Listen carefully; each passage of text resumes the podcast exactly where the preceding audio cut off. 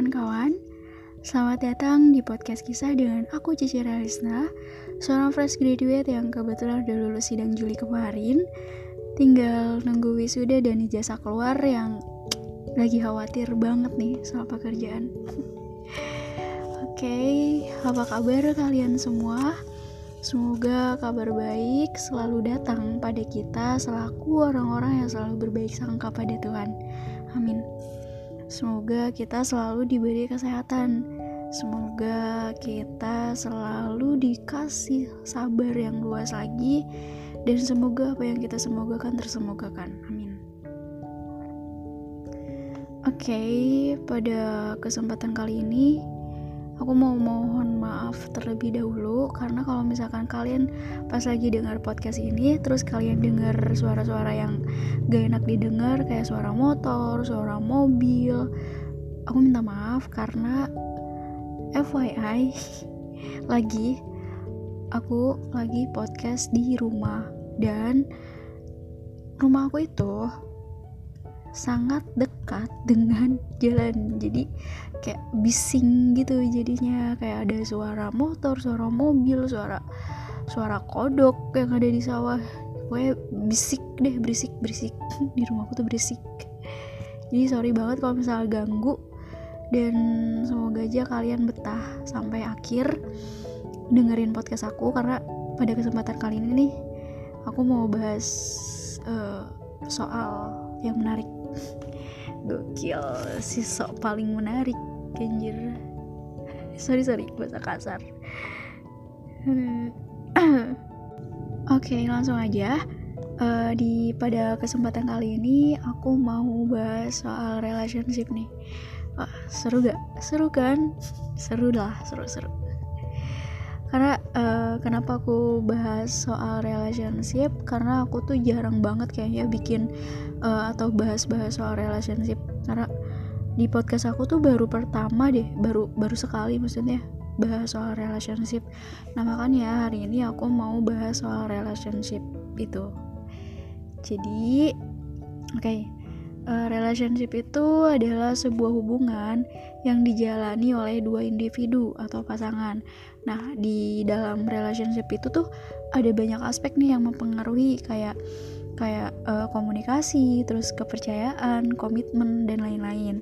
Terus uh, kebetulan hari ini tuh aku mau bahas soal uh, love language. Uh, aspek salah satu aspek yang ada di dalam relationship. Kalian tuh udah pernah denger gak sih istilah ini? kayak atau baca atau denger atau mungkin kayak kalian pernah mengerti? Apa sih gue ya maksudnya kayak kalian tahu gak sih gitu uh, istilah ini? Nah jadi teman-teman istilah ini tuh mulai rame dari dua tahun yang lalu kalau nggak salah.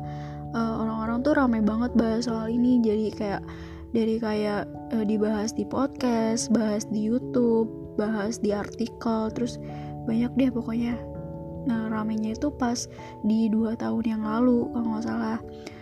Um, sebelum masuk ke topik aku mau tanya dulu deh. Uh, pernah gak sih kalian ngalamin uh, kayak terjadinya miskomunikasi sama pasangan?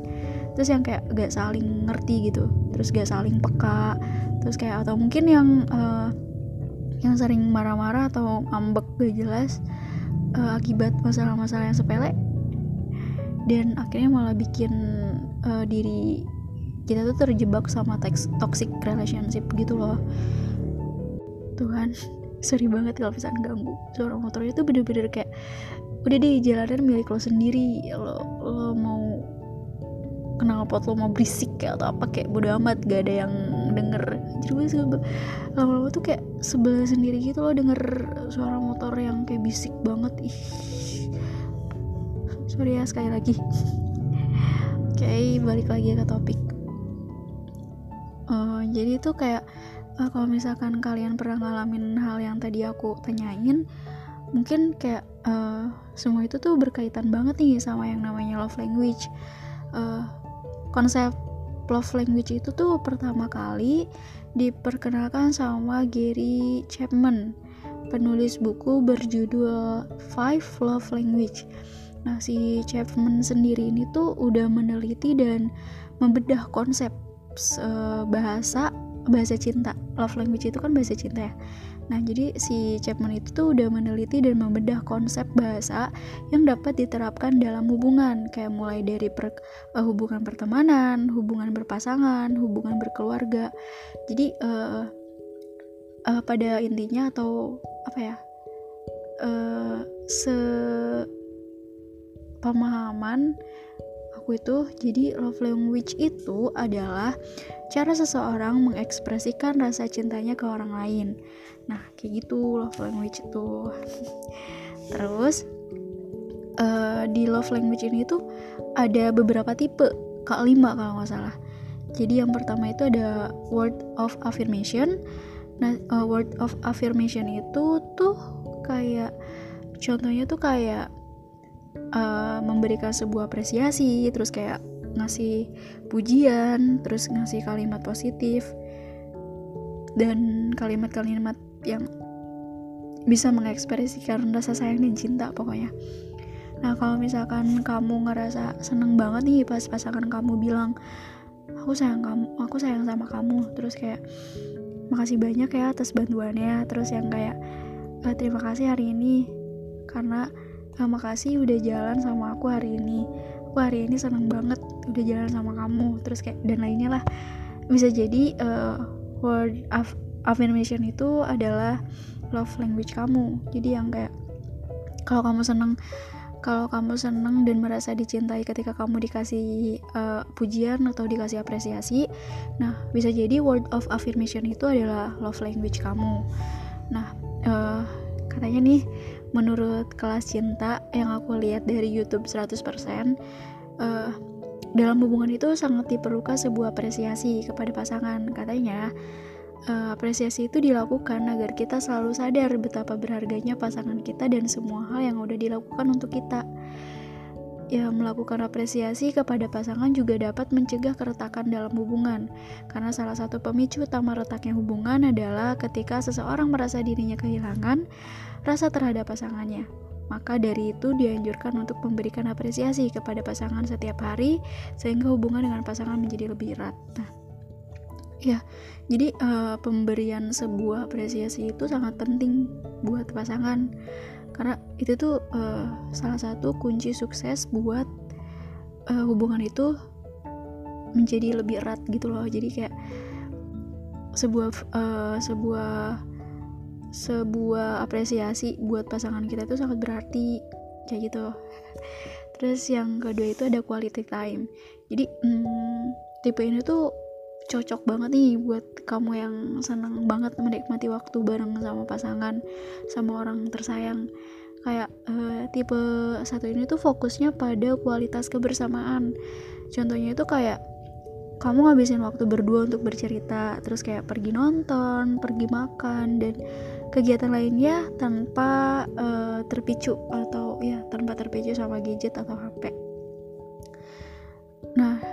dengan menghabiskan waktu bersama ini kamu tuh jadi kayak lebih merasa dihargai dan disayangi gitu loh. Sehingga uh, sehingga hal ini tuh dapat membuat hubungan kamu tuh jadi jauh lebih awet dan lebih berkualitas ke depannya. Jadi kalau misalkan kamu seneng banget nih ngabisin waktu berdua sama pasangan kamu terus yang kayak kamu merasa dicintai dengan cara kayak begitu berarti quality time itu adalah salah satu love language kamu terus yang ketiga itu ada receiving gift. Receive receive gimana sih bahasa Inggrisnya? Anjir gue jago bahasa Inggris. Receiving gift. Nah itulah pokoknya. Jadi uh, tipe yang ketiga ini tuh berkaitan sama gift atau hadiah. Uh, di mana love language ini tuh menekankan ke arah pemberian hadiah gitu tuh. Kayak hadiahnya tuh nggak harus mahal gitu nggak harus yang kayak bermerek atau nggak harus yang kayak sampai beratus-ratus berjuta-juta atau bermiliar-miliar gitulah pokoknya. Tapi kayak uh, si ha, si kita tuh ada effort gitu loh ada ada effort lebih buat kayak mikirin apa ya hadiah yang cocok buat dia gitu kayak nyiapin ya. Pokoknya uh, lebih ke menekankan ke effort atau usaha yang dia bikin yang dia yang dia apa ya ya yang dia bikin buat ngasih hadiah itu bukan ke si hadiahnya tapi ke lebih ke effortnya gitu loh. Terus uh, ya gitu. Orang yang punya love language ini tuh bakalan seneng banget kalau dikasih hadiah. Kayak terlebih di hari-hari penting nih kayak yang kayak misalkan uh, kayak misalkan di hari ulang tahun terus kayak yang di hari anniversary terus kayak ya pokoknya yang lainnya deh. Karena uh, orang-orang yang punya love language uh, kayak gini tuh tipe kayak gini tuh karena mereka akan ngerasa bahwa uh, pemberian hadiah itu adalah tipe kasih sayang yang diberikan oleh pasangan atau orang yang tersayang. Terus yang keempat itu ada act act of service act of service. Jadi uh, act of service ini bakal ngerasa perkataan atau kata-kata yang diucapkan itu gak terlalu berarti. Jadi kayak bertolak belakang sama yang pertama itu ya yang kayak word yang yang word of affirmation. Jadi kayak si yang tipe nomor 4 ini yang si tipe act of a service ini kata-kata itu nggak uh, terlalu nggak terlalu penting buat diucapin. Jadi kayak kata kata-kata yang diucap itu maksudnya nggak terlalu berarti buat uh, si tipe yang keempat ini. Jadi mereka tuh uh, ngerasa lebih dihargai dan dicintai pas pasangannya tuh ngelakuin action gitu kayak gercep pas dia butuh sesuatu. Kayak misalkan gak cuma ngingetin makan doang tapi kayak mereka juga datang bawain makanan atau ketika uh, dia butuh tebengan uh, mereka tuh langsung jemput si pasangannya itu harus langsung jemput dia gitu loh. Kayak ya ya tapi ya tapi hal ini tuh kayak nggak berlaku buat kalian yang LDR sih. Ya pokoknya uh, si tipe nomor 4 ini lebih menekankan ke aksi gitu kayak aksi nyatanya nih bukan cuman kata-katanya doang tapi uh, apa namanya aksinya juga gitu loh. Terus yang kelima itu ada physical touch. Jadi love language yang terakhir ini itu berkaitan sama sentuhan. Nah uh, sentuhan yang dimaksud dalam hal ini tuh bukan bermaksud negatif kayak sentuhan yang aku maksud itu yang kayak uh, sesimpel kamu gandeng tangan pasangan teh sesimpel kamu gandeng tangan pasangan kamu deh yang kayak pas kamu ya kamu lagi jalan sama pasangan kamu terus kayak kamu ngegandeng tangan pasangan kamu. Nah itu tuh yang si tipe nomor 5 ini yang si tipe physical touch ini tuh seneng ngerasa dicintai dan ngerasa dihargai itu pas dia dilakuin seperti itu. Nah kayak gitu. Terus uh, kayaknya ya itu. Itu kenapa gue bilang ada suara ayam juga kan? Pokoknya serba banyak suara dah di di ini wah di apa namanya di rumah gue mah banyak suara-suara yang tidak enak didengar. Sorry ya kalau misalkan nggak enak. Soalnya kalau misalkan nggak nggak ini apa namanya nggak nyaman buat didengar. Sorry banget. Uh, udah tuh udah udah udah lima yang aku bahas soal tipe love language itu. Nah dari penjelasan tadi mungkin timbul nih pertanyaan-pertanyaan yang kayak gimana sih caranya biar kita tahu love language kita itu apa? Nah jawabannya itu adalah kalau menurut aku sendiri ya kita harus meningkatkan self awareness pada diri kita gitu. Kayak meningkatkan uh, kesadaran diri pada diri kita. Kayak kita tuh harus menyadari dan memahami sebenarnya apa sih yang kita pengenin. Kayak maunya dicintai dengan cara apa? Terus kayak mudah disakiti karena mudah tersakiti tuh karena apa gitu tuh itu sih jawabannya. Tapi kalau uh, kalian bener-bener mau mastiin apa sih love language kalian itu ya uh, kalian tinggal tes. Ada tesnya di website. Aku lupa deh namanya apa. Nanti kalau misalkan aku tahu aku kasih tahu deh. Tuh kan tuh kan tuh kan suara motor. Sorry ya. Udah beberapa kali gue bilang sorry. Terus uh, selain pertanyaan yang tadi ada nih timbul pertanyaan selanjutnya yang kayak terus kalau misalkan ada yang tanya kita tuh bisa gak sih punya love language lebih dari satu? gitu. Jawabannya mungkin mungkin mungkin kita uh, punya love language tiga gitu empat atau lima gitu kelimanya gitu. Cuman mungkin kayak ada nih dari kelima love language itu ada satu lebih dominan gitu loh kayak dari lima hal itu kayak ada satu yang dominan ada satu yang lebih lebih menonjol gitu dari kelima itu gitu. Nah yang satu itulah yang dijadiin pedoman buat komunikasi bahasa cinta kita ke pasangan kayak gitu. Nah kalau menurut penelitian yang aku dengar di podcast 100% katanya di Indonesia itu kebanyakan orang-orang seneng sama dua love language yang udah disebutin dari kelima yang tadi. Yang pertama itu word of affirmation dan yang kedua itu ada quality time. Terus kalau dari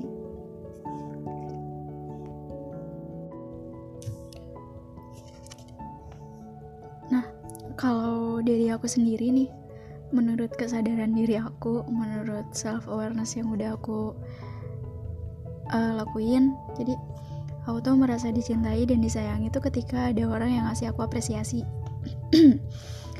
Kayak uh, ngasih aku kalimat-kalimat positif gitu kayak sesimpel semangat ya buat hari ini kayak. Terus yang kayak misalkan pas aku lagi capek gitu ya sama hidup terus kayak dikasih kalimat positif yang sesimpel kayak kayak ayo kamu bisa. Gak ada yang gak bisa. Kamu kan keren gitu tuh. Pokoknya yang sesimpel itulah gitu tuh. Yang kalimat-kalimat positif gitu deh pokoknya. Nah itu kan berarti love language. Aku tuh word of affirmation ya. Makanya aku tuh suka sebel sendiri kalau misalkan gak ada uh, kalau ada orang atau mungkin pas pas aku punya pasangan nih. Terus pasangan aku tuh kayak gak memenuhi love language aku yang word of uh, affirmation ini kan kayak aku tuh lagi ngeluh gitu karena capek. Terus pasangan aku tuh bilang kayak apa sih lebih banget? Kayak kesannya tuh wih gue tuh lagi ngeluh-keluh gitu tuh. Gue tuh pengen dikasih kata-kata positif walaupun uh, walaupun gak bikin permasalahan selesai ya seenggaknya bikin tenang gitu bukan malah bikin bete dan jadinya bikin gue ngedown gitu tuh. Pokoknya gitulah. Gue tuh paling nggak seneng gitu kalau misalkan ada orang yang orang ada orang-orang yang ngomong hal-hal negatif gitu yang kayak apa sih lo baperan gitu. Apa sih lo baik kayak ya udah gue tuh gue tuh gue tahu gitu kalau misalkan gue gue baik gue baperan tapi kayak ya nggak usah ditegasin juga sih. Kalau misalkan kalau misalkan mau ngomong juga kayak ya lu ngomongnya baik-baik gitu. Kayak nggak usah langsung ngejudge kalau misalnya gue tuh baperan gue tuh lebay gitu. Gue tuh cuman kayak sebelah aja sih sebenarnya. Oke oke okay, next. Jadi kayak hmm, kayak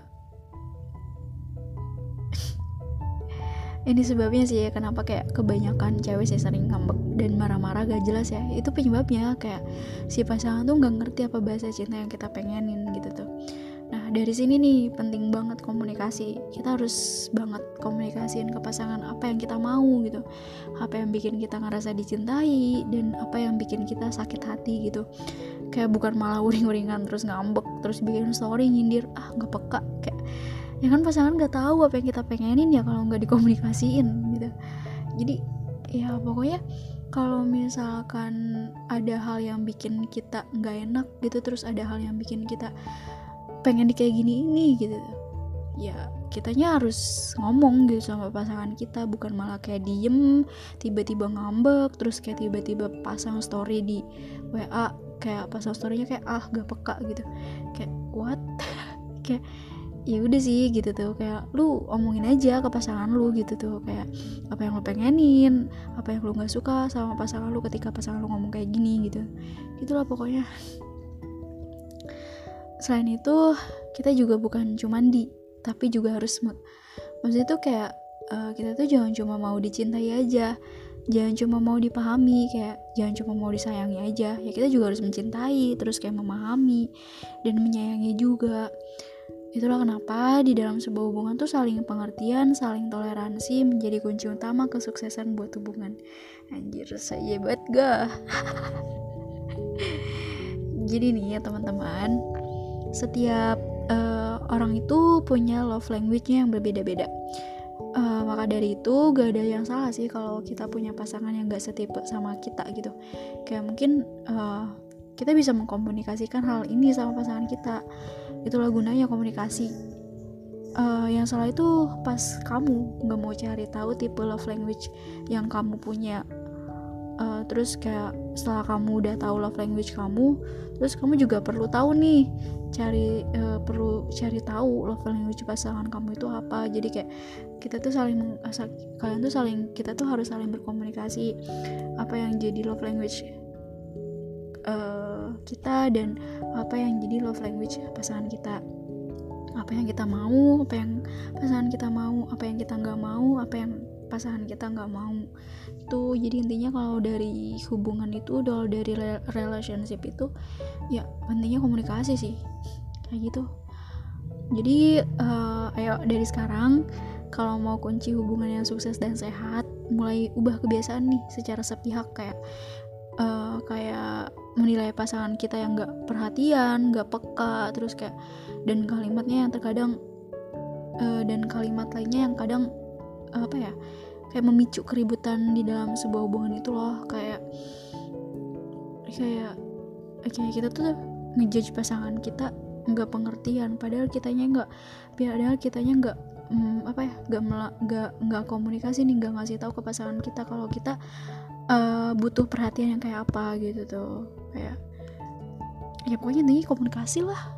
Dari hubungan tuh apa apanya tuh ya baik lagi komunikasi jadi kayak saling belajar mengerti dan memahami love language yang kamu dan pasangan kamu atau kalian miliki gitu.